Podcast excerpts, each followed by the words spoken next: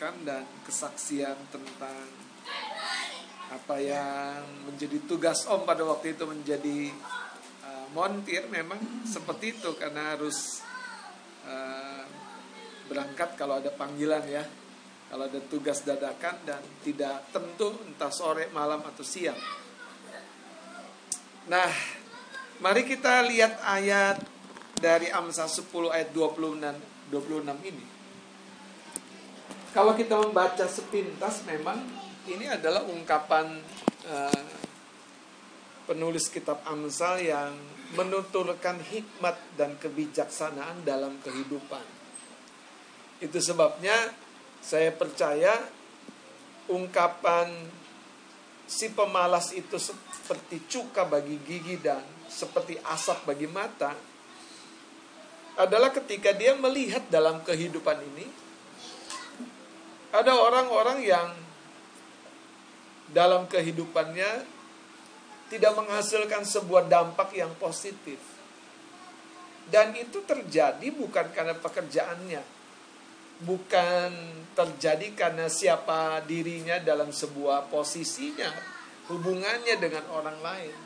Saudara, bos yang malas sekalipun bos itu akan menjadi sesuatu yang berdampak negatif seperti cuka bagi gigi. Makanya entah kita sebagai pelayan Tuhan, jemaat, hamba Tuhan, biarlah kita menjadi pribadi yang rajin, giat. Nah, yang menarik ayat ini sebetulnya sedang menyampaikan kepada kita tentang sifat dasar manusia. Sifat dasar manusia dalam kehidupan kita sebagai pasutri, kita harus kenal sifat kita, sehingga waktu kita mengenal sifat kita, apa yang merupakan kecenderungan positif kita ataupun kecenderungan negatif kita, yang biasanya orang bilang apa yang menjadi kelebihan kita dan apa yang menjadi kekurangan kita. Nah, kalau kita sudah mengenal itu, kita dapat menyesuaikan diri dengan siapa kita terhubung, dengan anak kita, dengan tetangga, Tentu kalau orang yang emosian di jalan yang rame, di jalan yang padat, di jalan yang sibuk, dia susah menahan dirinya. Dia cenderung untuk merespon dengan emosi yang tinggi. Apalagi kalau tiba-tiba ada orang yang nyebrang sembarangan. Iya kan? Terus ada sesuatu yang menyerobot jalannya. Tapi justru Tuhan mau berkata begini. Tuhan sedang panggil kita untuk bukan hanya menjadi cuka bagi gigi yang meninggalkan rasa sakit. Tapi kita menjadi cuka karena sifat dasar cuka itu asam dan itu bisa mempengaruhi saraf dan kalau terkena gigi yang sakit apalagi ya. Tapi yang menarik cuka pun banyak kegunaannya dalam rumah tangga. Betul nggak? Cuka tidak ada di dalam dapur kalau tentu kita tidak tahu gunanya. Salah satu cuka tentu memberi, uh, fungsi cuka itu memberi rasa. Bahkan nilai asamnya, rasa asamnya itu berguna saudara untuk membunuh bakteri. Dan cuka pun yang menarik adalah dapat memperkuat cita rasa tertentu dari sebuah masakan. Itu cuka. Tapi pertanyaan jangan sembarangan digunakan. Karena ayat ini berkata kalau cuka bagi gigi, ini artinya seorang yang sepertinya sensitif, sepertinya berdampak bisa negatif, tapi dia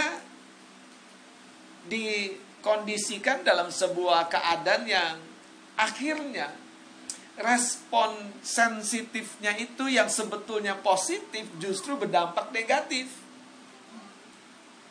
Nah, hari ini sebetulnya dari ayat 26 ini perenungannya kita sudah kenal belum kecenderungan positif kita atau kecenderungan negatif kita. Kalau anak kita gampang kita lihat ya khususnya. Tapi kadang-kadang ya untuk melihat diri sendiri itu yang tidak mudah. Bahkan kadang-kadang timbul perenungan, kok aku begini ya? Kok aku begini ya? Kok aku begini ya? Itu sebabnya sebetulnya pesan dari Amsal 10 ayat 26 ini adalah supaya kita jadi pribadi yang mau bertumbuh, berubah dan belajar. Tapi bagaimana belajarnya? Dimulai dari kita mengenali kecenderungan diri kita. Kalau Anda punya kecenderungan apa namanya? terlalu fokus Mas Thomas ya. Iya. Itu bisa ngantuk, Mas. Iya kan? Ada orang terlalu fokus sampai baterainya ya memang begitu saudara, memang begitu. Ada orang terlalu fokus. Itu positif atau negatif?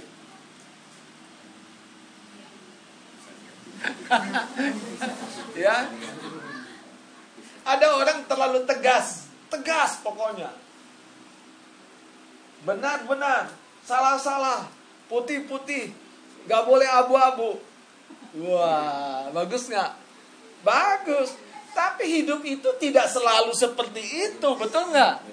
Tapi bukan berarti kita untuk kebenaran yang mengandung konsekuensi dosa atau tidak dosa kita boleh abu-abu. Iya. Bukan itu maksudnya. Iya kan? Sebagai sebuah contoh, saudara. Kalau kita sering baca cerita tentang seorang bapak yang punya dua orang anak, bungsu dan sulung. Si bungsu minta bagian warisannya, kemudian pergi dan menghambur-hamburkan warisannya. Ketika habis uangnya itu, hartanya itu, dia kembali. Kan kalau dalam pemikiran umum, harusnya sang bapak tidak langsung menerima dong. Keenakan dong.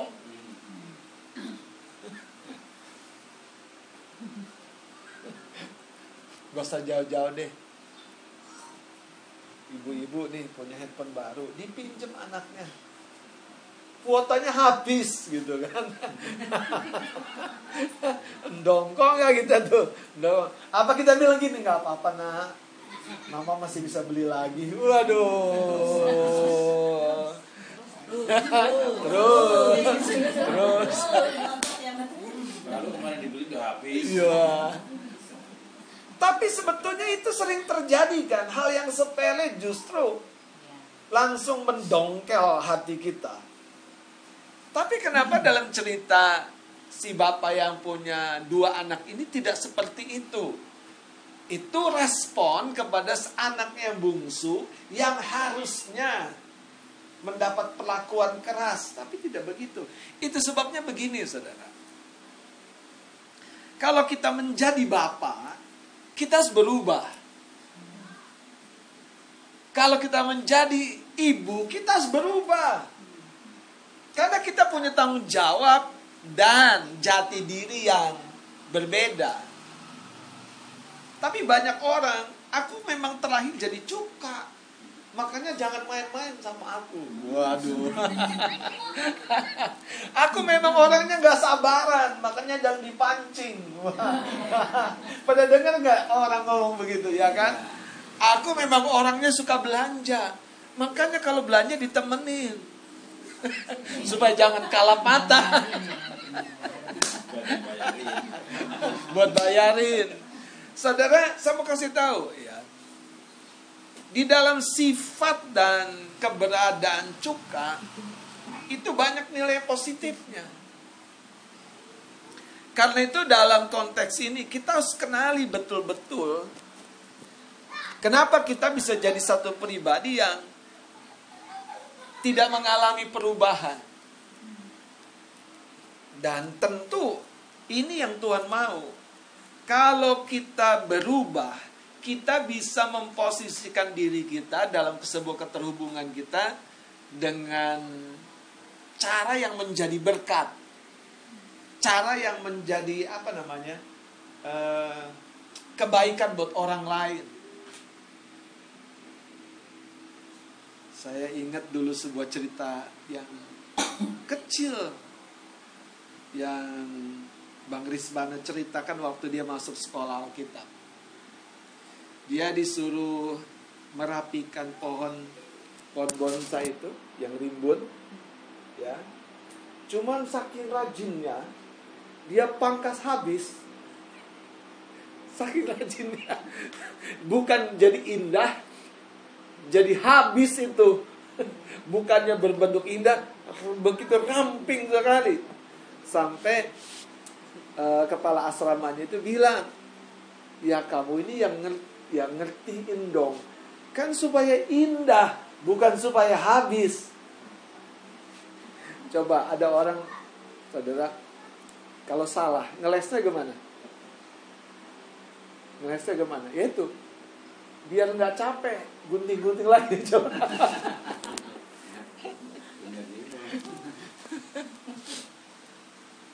Sekalipun Bang Rizbana nggak cerita nggak bilang begitu tapi dalam kerajinannya itu itu yang sama bilang. Dalam kerajinannya itu itu nilai plus loh kecenderungan yang baik. Tapi kalau kita tidak bertumbuh menyesuaikan diri kita bisa bermasalah. Orang yang dermawan itu bisa cenderung boros, royal, nggak kira-kira, nggak ngukur, semua mau ditraktirin, semua mau dibaikin. Ya aku kan dermawan. Iya, saudara, semua mau diajak ke rumah, semua mau diundang, semua ayo mampir. Terus dia nggak mikirin istrinya, istrinya stres karena gimana ngejamunya nih gimana nampungnya nih itu artinya saudara sebetulnya bukan hanya tentang cuka bagi gigi. Betapa kita perlu jadi cuka yang berdampak positif. Kemudian kalau cerita tentang asap. Asap ini saudara kalau terkena mata tentu akan menjadi perih. Tapi kenapa saudara tukang sate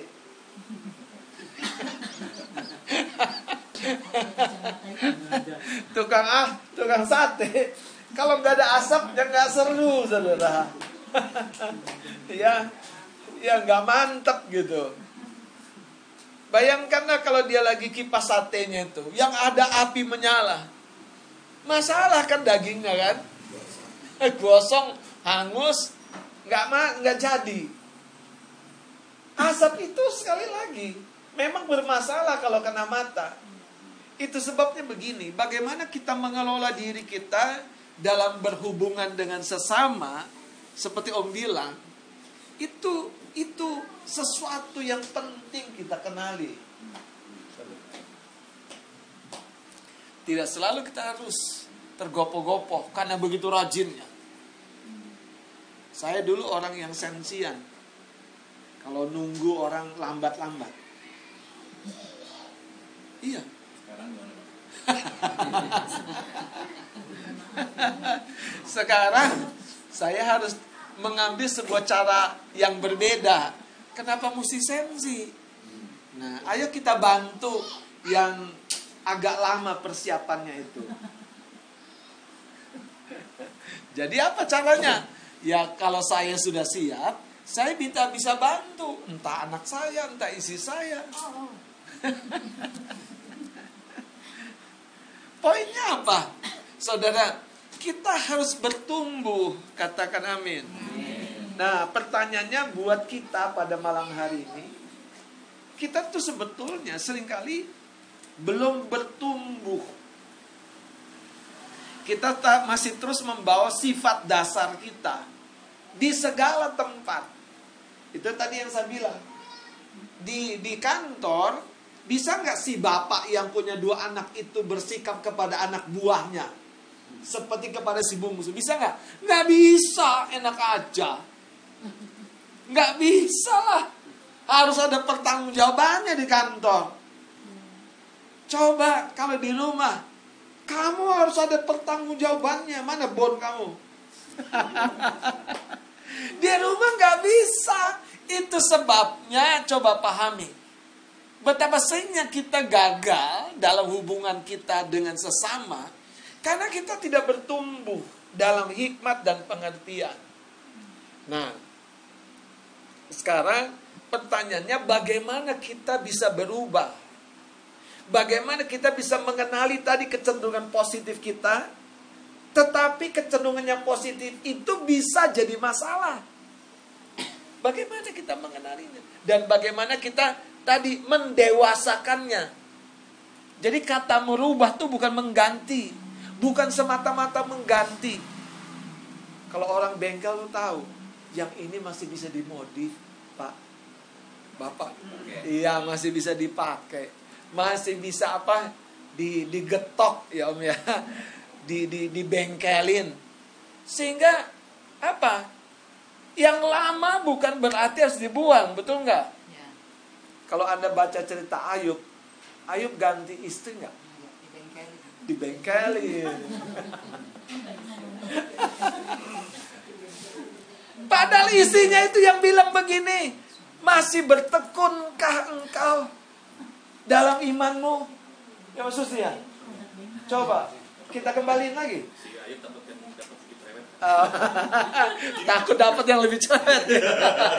Jadi itu aja udah. Udah tahu udah. Udah segitu aja cukup.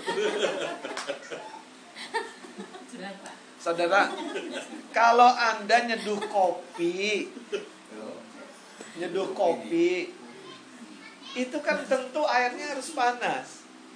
Jadi kalau Anda melawan kepahitan, Anda harus punya roh yang hidup. Hangat.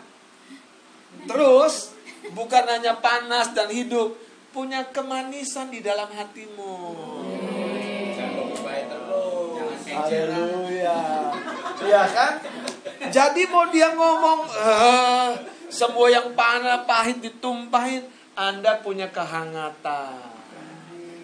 Mau dia tidak berubah, tetap pahit kita kasih yang manis dari hidup kita. Coba katakan itu istri gua banget. Suami-suami kasih tahu itu istri gua banget.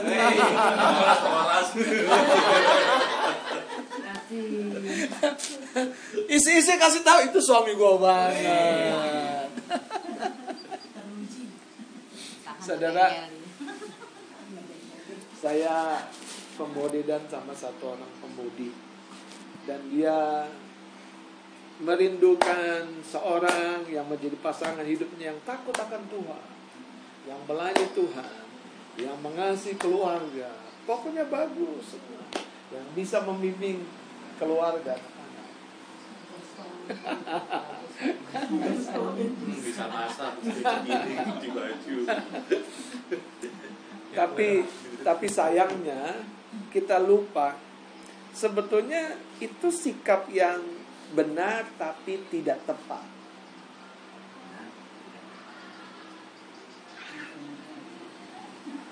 Benar tapi tidak tepat. Karena kita mengharapkan satu pribadi yang sudah mati kehidupannya. Dia tidak bisa berubah lebih baik lagi. Dia pokoknya udah standar. Dia pokoknya udah ABC terpenuhi Iya enggak, enggak bisa dimodifikasi lagi. Pokoknya spare partnya dari Jepang. Bisa paten 20 tahun tahan.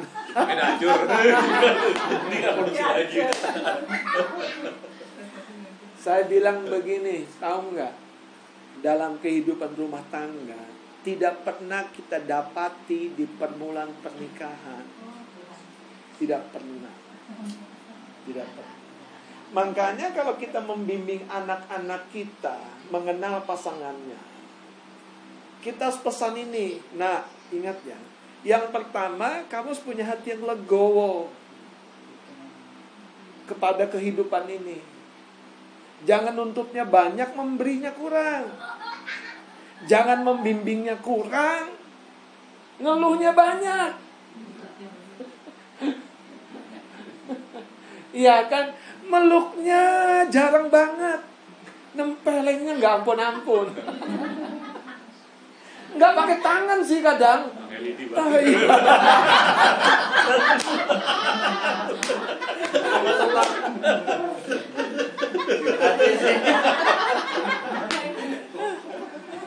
Oh, kamu kenyang, Grace.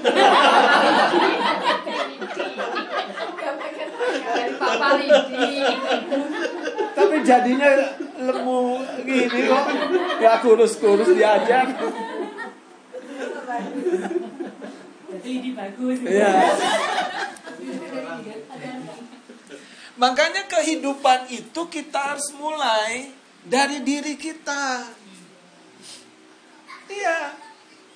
Bayangkanlah kalau si pemudi itu berharap ketemu pribadi yang seperti Tuhan Yesus itu. Terus pelayanan tiga setengah tahun berangkat ke surga. Tuhan Yesus gitu kan?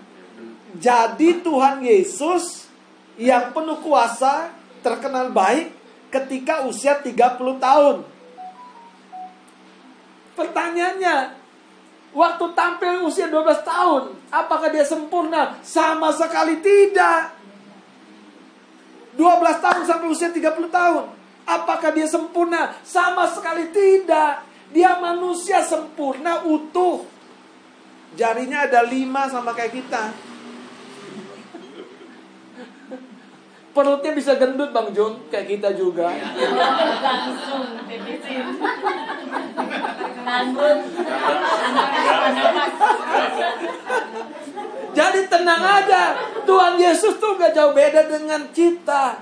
Cuman bedanya kerjanya membantu Yusuf ayahnya jadi tukang kayu. Makanya dia berotot.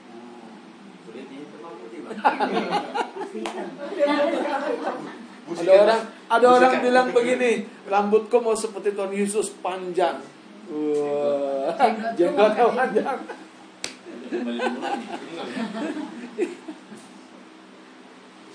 Saudara, ayo kita mengerti bahwa hidup ini harus bertumbuh dan berubah. Gitu. Kalau dulu kita masih bujangan, apa-apa, apa namanya ya, ketat. Semua atur harus sesuai budget. Pas menikah, susah banget. Susah bang. Kenapa bang? Susah. Semuanya tidak sesuai dengan rencana. Dulu saya nggak pernah pusing dong. Dulu nggak pernah pusing. Sekarang kok. Jadi kuncinya apa? Bertumbuh. Coba salami kanan kirinya. Ayo kita bertumbuh. Bertumbuh. Bertumbuh. Bertumbuh yuk. Siksakan yuk ya. Balik, yang itu, yang itu, yang itu. Salah, salah itu, yang itu.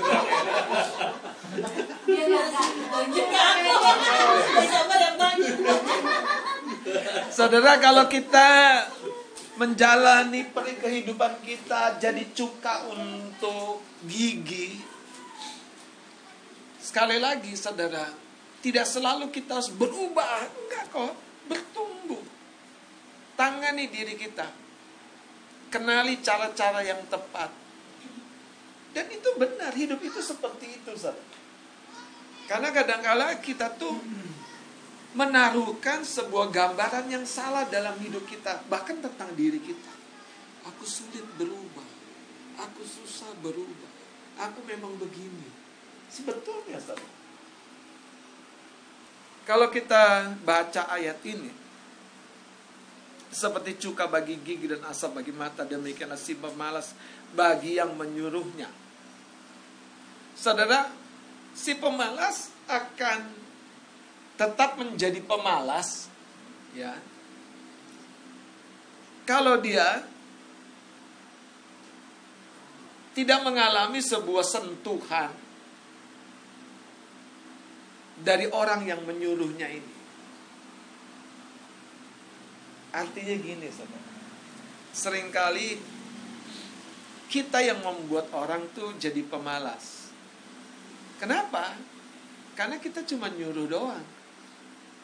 Tapi kita tidak membimbing dia mulai mampu mengerjakan dengan segera, dengan cepat, apa yang tepat untuk sifat dasarnya itu tadi tuh.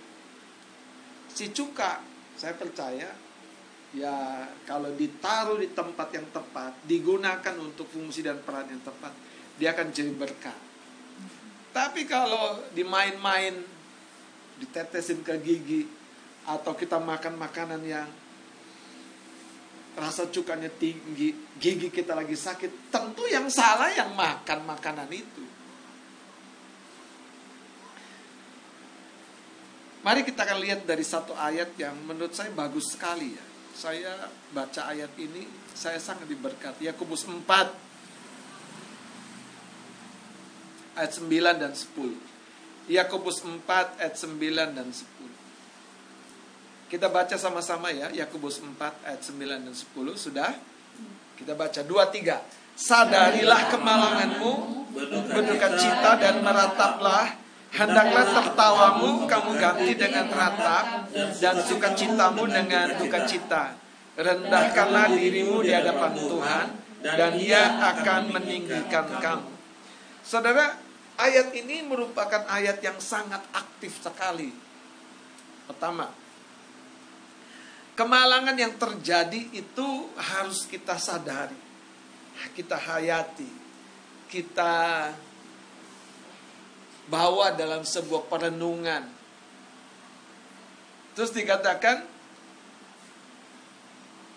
ketika kita dalam keadaan yang sepertinya nggak perlu berduka cita, bahkan berduka cita dan merataplah. Bahkan dikatakan hendaklah tertawamu kamu ganti dengan ratap dan tertawamu kamu ganti dengan ratap dan sukacitamu dengan duka cita.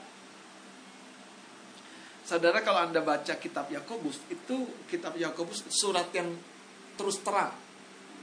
Surat yang nggak ada tedeng aling. Surat yang kalau bilang kemunafikan, kebohongan, kebodohan itu to the point. Karena surat Yakobus itu disampaikan oleh orang yang mengalami sebuah kehidupan yang bersisian sekali dengan kehidupan dunia yang begitu kontras. Makanya tulisan surat Yakobus ini ditujukan kepada orang-orang percaya yang ada di tengah bangsa yang lain. Artinya adalah banyak kita sudah salah, sudah malang, sudah mentok, sudah gagal, sudah ribut terus, sudah mengalami banyak kemalangan, tapi tidak ada penyadaran. Bahkan yang umum, kita sudah sakit perut terus, tapi namanya empe-empe itu nggak bisa aku tinggalin bang. namanya namanya rujak itu aku nggak bisa tinggalin bang. Itu artinya apa? Kita yang cari-cari masalah dengan hidup ini. Nah, ayat ini dimulai dengan sebuah kalimat yang sederhana. Sadari kemalanganmu. Karena ketika kita menyadari kemalangan kita, sebetulnya orang seperti inilah yang dapat dengan mudah menyadari keberuntungannya itu dari Tuhan. Itu karena pertolongan Tuhan. Itu karena ada orang lain juga yang menolongku. Tapi waktu orang-orang tidak dapat menyadari, memahami kemalangannya. Yang masalah adalah ketika dia di dalam posisi baik, dia dapat dengan mudah lupa diri. Coba kita lihat dalam kitab Mazmur pasal yang ke-16.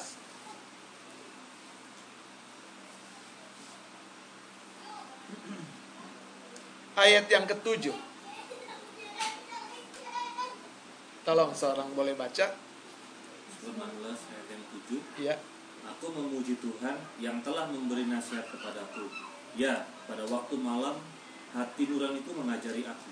Ya. Jadi saudara ternyata perubahan dan perbaikan hidup kita tuh terjadi melalui beberapa keadaan. Melalui masalah. Melalui teguran-teguran, betul nggak?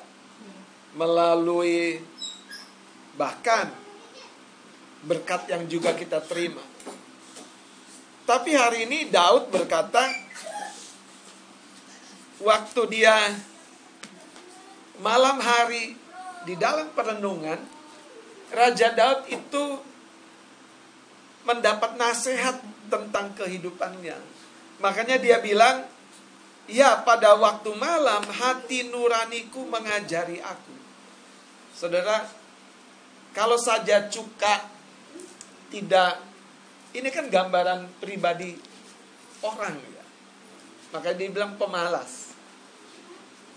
Dan asap ini kan gambaran pribadi seseorang, sifat dasar seseorang. Ya.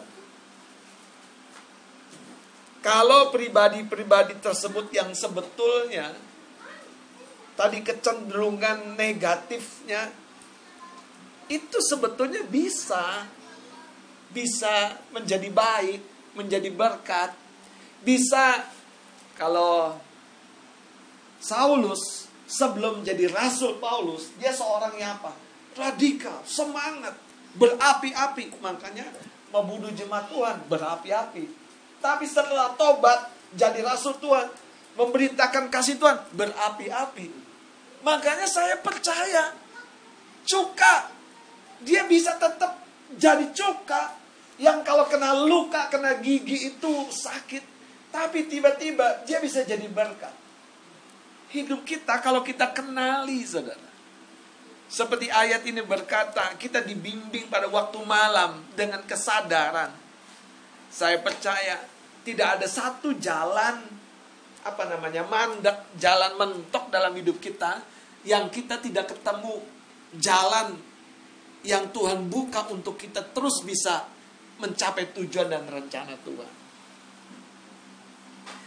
Masalahnya banyak orang dia baru berubah tuh kalau sudah kehilangan, baru berubah dan mulai merenung kalau sudah ketipu, gagal, sakit. Kalau sebelum sakit, kayaknya hidup ini nggak ada masalah, kuat.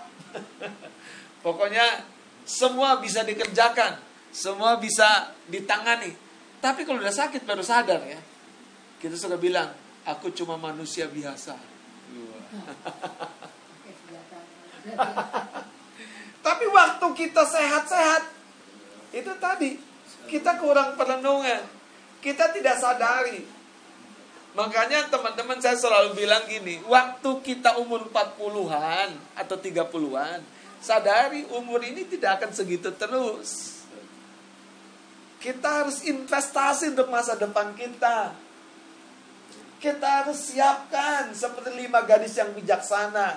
Jangan hanya bawa pelita, siapkan minyak. Ini yang merubah cuka.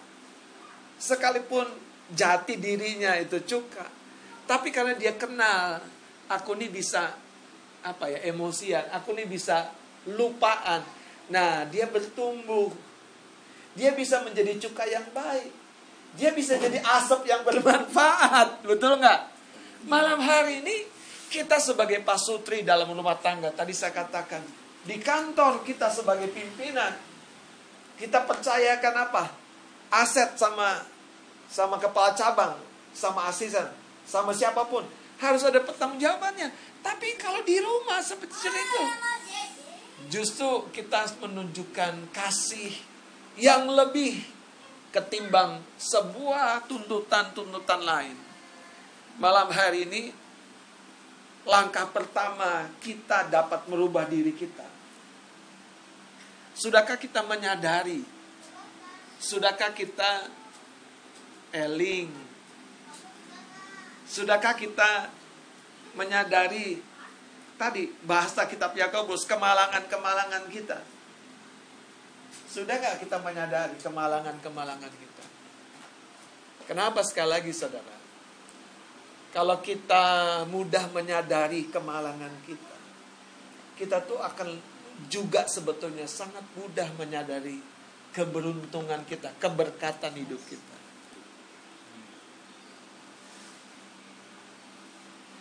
Kita baca satu ayat lagi dari Wahyu pasal yang ketiga, saudara.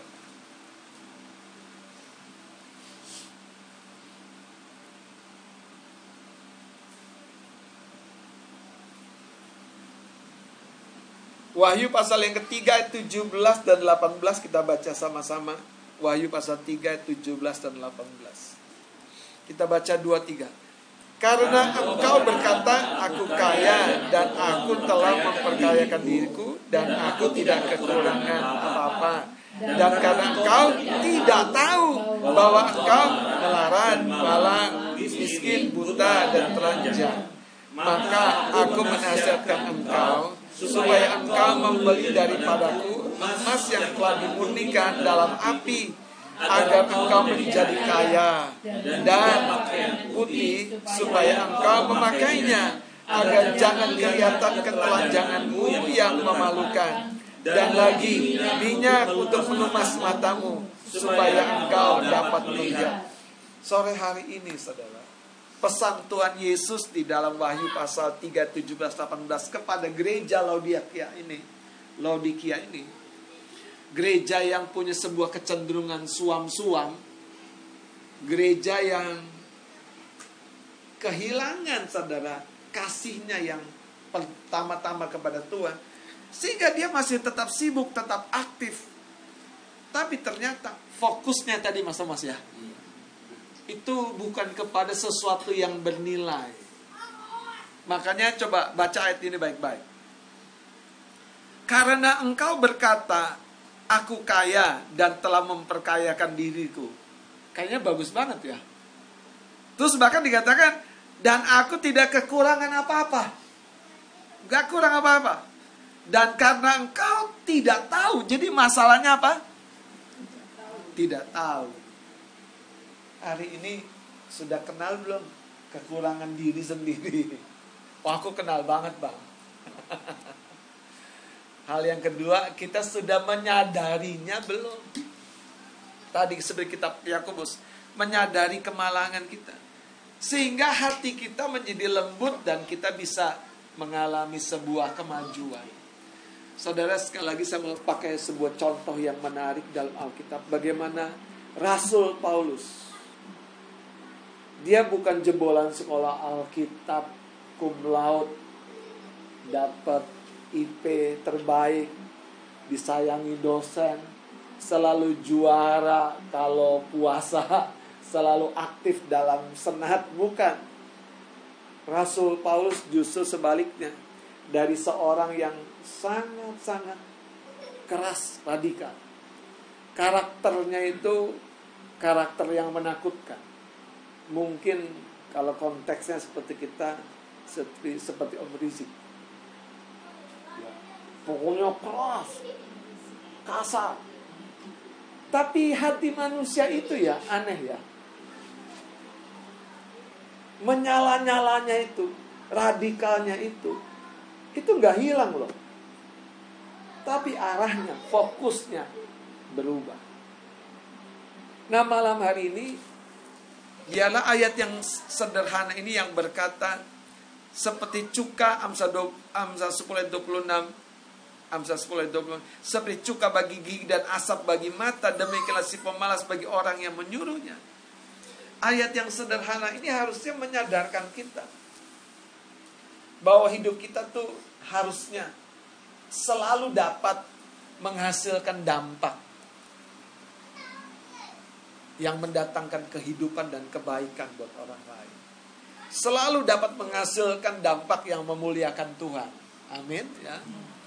Bahkan saudara kalau saya lihat kisah-kisah bagaimana seorang bapak yang jahat saja kata Alkitab Kalau anaknya minta ikan tidak dikasih ular kan? Jadi ternyata kesadaran di dalam ini tidak bisa dipungkiri. Selalu menuntun kepada yang baik. Makanya bagaimana kita bisa berubah? Bagaimana kita bisa bertumbuh? Yang pertama adalah seperti ayat ini berkata, sadarilah kemalanganmu. Kitab Yakobus.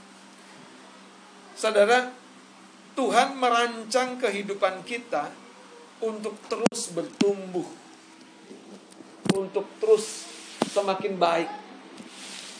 Tapi kita tidak pernah dapat mengalami sebuah pertumbuhan dan semakin baik kalau kita tidak punya satu kesadaran. Seperti Raja Daud, ada satu perenungan di hatinya. Malam hari ini, sore hari ini, biarlah kita menjadi pasutri-pasutri yang mendapatkan hidup kita yang pertama mampu menyadari kemalangan.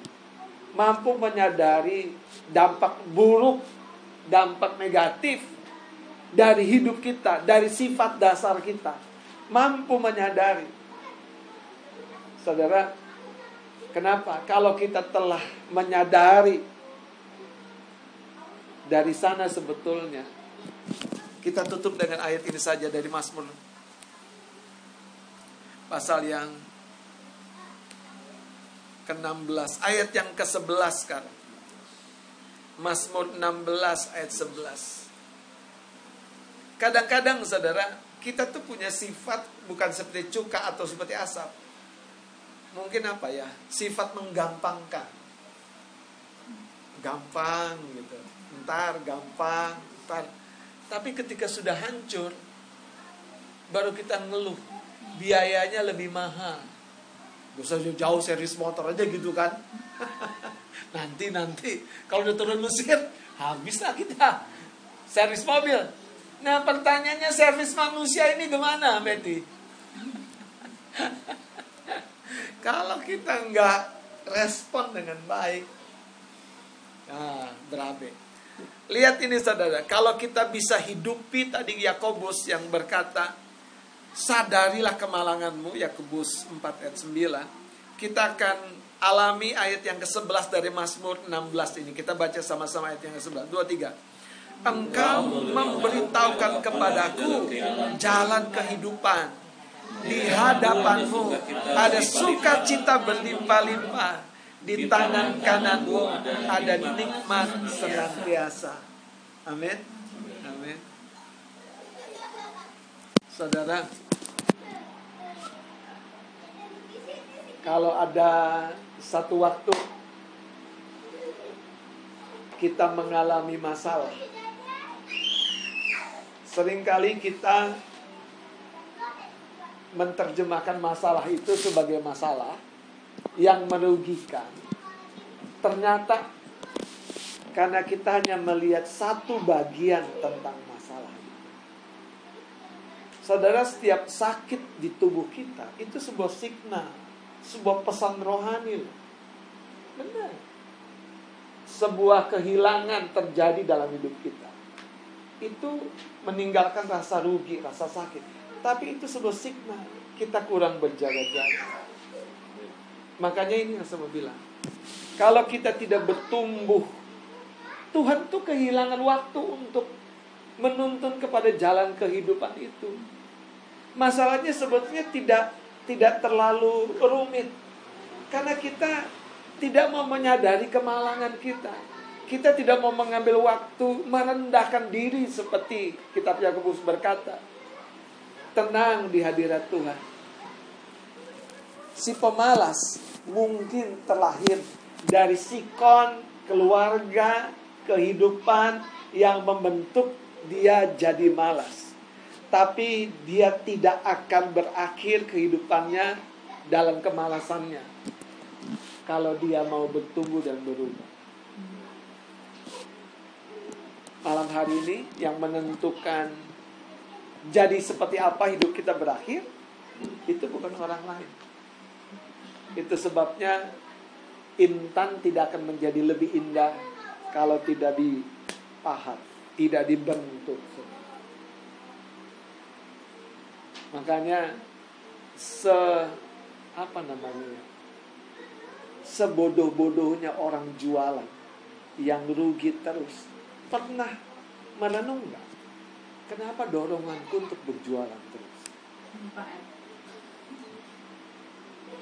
Sayangnya banyak orang tuh masanya sederhana kurang perlenungan.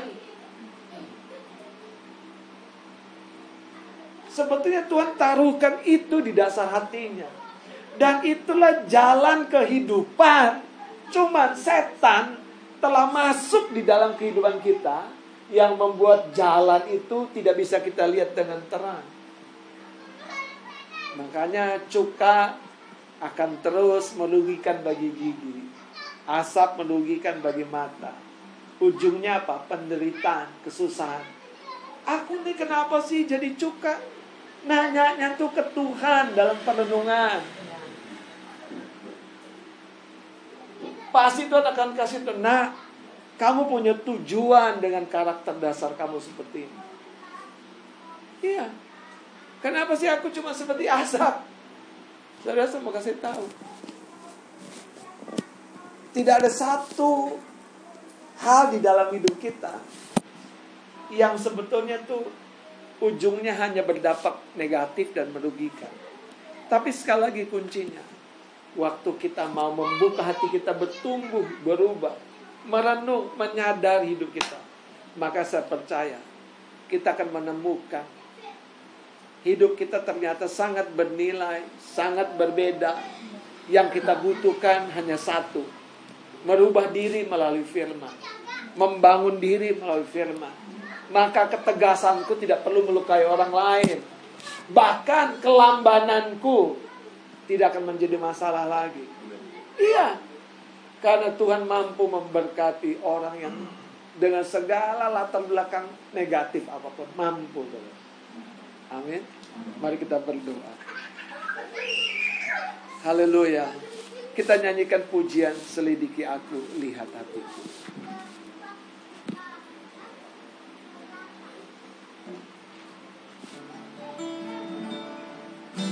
Selidiki aku Lihat hatiku Apakah ku sungguh mengasihi Yesus Kau yang maha tahu Dan menilai hidupku?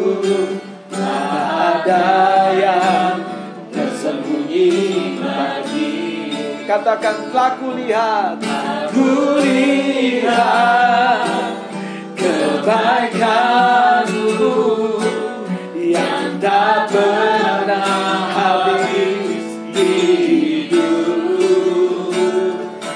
Ku berjuang Sampai akhirnya Kau dapati aku. Katakan telah kulihat Telah kulihat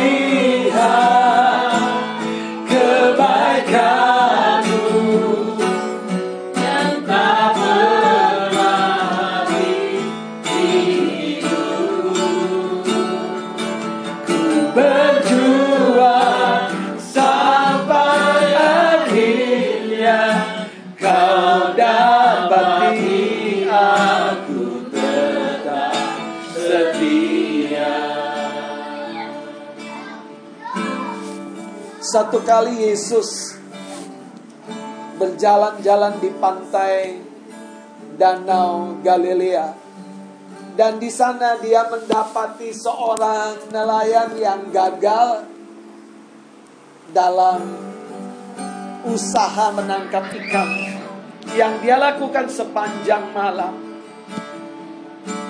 Pagi itu dia berjumpa dengan seorang yang sebetulnya gigih dalam hidupnya. Dia berjumpa dengan seorang yang sebetulnya tidak ada kata menyerah dalam hidupnya. Pagi itu sebetulnya Yesus berjumpa dengan permata indah yang terserak begitu saja. Yesus berjumpa dengan seorang pribadi yang gagal berusaha lagi. gagal berusaha lagi, gagal bangkit lagi. Seorang nelayan yang pulang pada pagi itu dengan perahu yang kosong. Yesus berkata kepada dia, "Bolehkah aku pakai perahumu?" Yesus menaik ke perahu itu. Dia memerintahkan firman kepada orang banyak di pinggir danau itu. Dan setelah Yesus meminjam perahu itu, Yesus tidak selesai. Karena memang itulah cara dia menyadarkan yang kau butuhkan nelayan ikan yang gigih adalah sentuhan kasihku. Yesus berkata, tebarkan jalamu.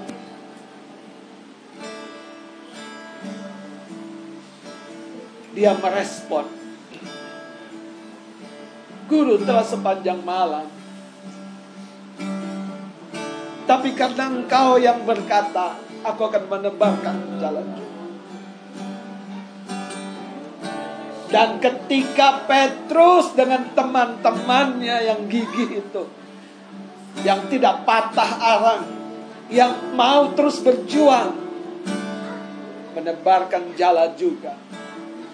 Dia menangkap ikan dalam jumlah yang sangat besar, sampai mengoyakkan jalannya. Saya mau beritahu saudara, yang kau butuhkan sentuhan Tuhan. Mungkin engkau seperti cuka, mungkin engkau seperti asap, mungkin engkau seperti Petrus yang gigih, tapi kau gagal. Kau membuat rusak kehidupan. Tapi pagi itu Yesus berdiri di pantai. Kasihnya yang mampu mengubah dan menyentuh kehidupan yang kosong. Yesus memberkati Petrus justru untuk menyadari untuk membawa perlindungan kepada Petrus. Itu sebabnya ingatkah Bapak Ibu setelah perahu dan jala itu menangkap ikan begitu banyak Petrus berkata, "Aku tidak layak." Petrus tahu kehadiran Yesus yang mengubah hidupnya. Malam hari ini, ambil keputusan untuk belajar sungguh-sungguh. Belajar firman. Rubah, bertumbuhlah. Sehingga kita akan menjadi pribadi yang sama namun berbeda. Kita jadi pribadi yang sama namun ada Yesus di dalamnya. Kita jadi pribadi yang sepertinya tidak jauh berbeda. Tapi di dasar hati kita ada sesuatu yang baru. Malam hari ini Biarlah firman ini bukan hanya bicara tentang hidupmu diberkati. Tapi hidupmu menjadi berkat. Hidupmu memberi dampak yang membawa kehidupan. Keluarga besarmu mengalami Tuhan. Orang-orang di tempat kerjamu melihat terang Kristus dalam hidupmu. Anak-anakmu takut hormat kepadamu karena ada wibawa Kristus dalam hidupmu. Dan itu terjadi karena engkau melihat jalan kehidupan. Ketika engkau punya waktu merendahkan diri. Sore hari ini, inilah waktu untuk kita merendahkan diri. Laku lihat kebaikanmu yang tak pernah habis di hidupku. Ku berjuang sampai akhirnya. Kau dapat ayo wanita-wanita katakan lagu lihat.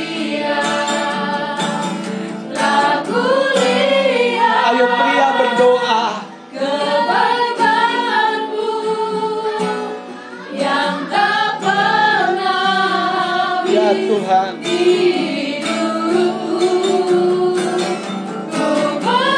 Kami mau terus.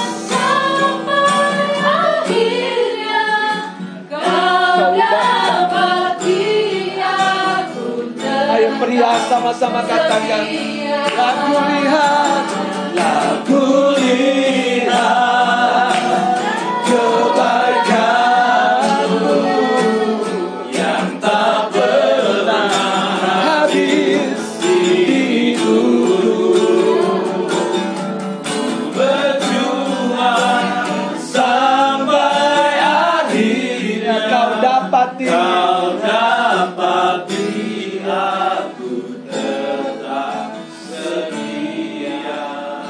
kekasih-kekasih Tuhan.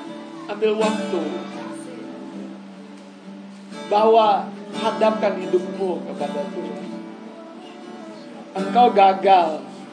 Anakmu bisa gagal. Keluargamu bisa gagal. Tapi itu bukan cerita akhir. Pekerjaanmu bisa mandek. Sepertinya tidak ada keberuntungan. Tapi itu bukan cerita akhir. Kenapa waktu kita berubah waktu kita bertumbuh kita memasuki pengharapan yang baru. Waktu Petrus mengalami Yesus hidup yang berbeda terjadi pagi itu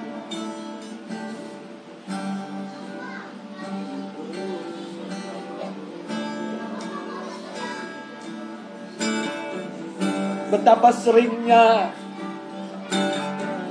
tanpa kita sadari kita tidak melihat jalan yang Tuhan tunjukkan. Karena kita kekurangan waktu. Malam hari ini hadapkan hidupmu kepada Tuhan.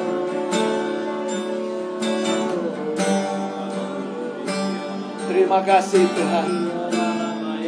Mari sekarang ikuti doa saya Tuhan Yesus.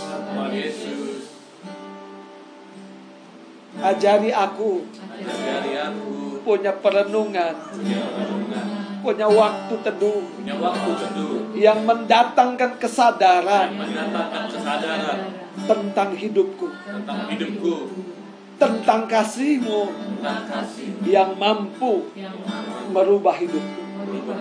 Malam hari ini. Aku sadar. Karyamu mulia dan besar bagi hidupku. Hari ini aku lepaskan segala sifat yang lama, perangai yang lama. Aku mau bertumbuh, Aku mau berubah. Supaya engkau dipermuliakan di dalam hidupku.